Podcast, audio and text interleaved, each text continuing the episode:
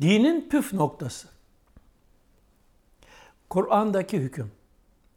İnni cailun fil arda halife. Yeryüzünde halife meydana getireceğim.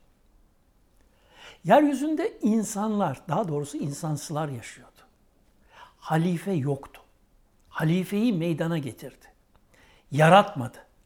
Halife Allah esmasının özelliklerini bir kompozisyon olarak açığa çıkaran varlık demektir.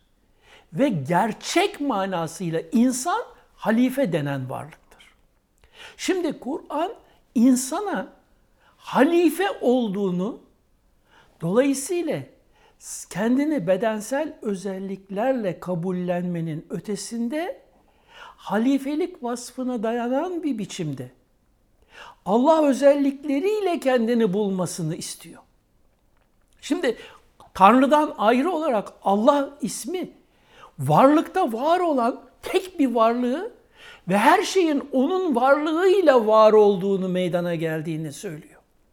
Dolayısıyla halife dediğimiz insan da gerçekte Allah'ın esmasıyla var. Yani hay ve kayyum. Yani sonsuza dek canlı ve kendindeki Allah varlığıyla kaim bir varlık. Size bunu anlatıyor. Kur'an esasında bunun için gelmiş.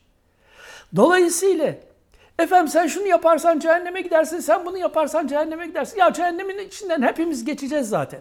Kimimiz biraz fazla kalacak, kimimiz biraz az. Önemli olan nokta burası değil. Önemli olan nokta senin bir Allah'ın bildirdiği Allah'ı anlayıp, idrak edip, kavrayıp kendi varlığının onun varlığıyla kaim olduğunu hissedip yaşayabilmen. Eğer bunu anlayıp kavrayıp yaşayamıyorsan kendine zulmediyorsun, affı da yok.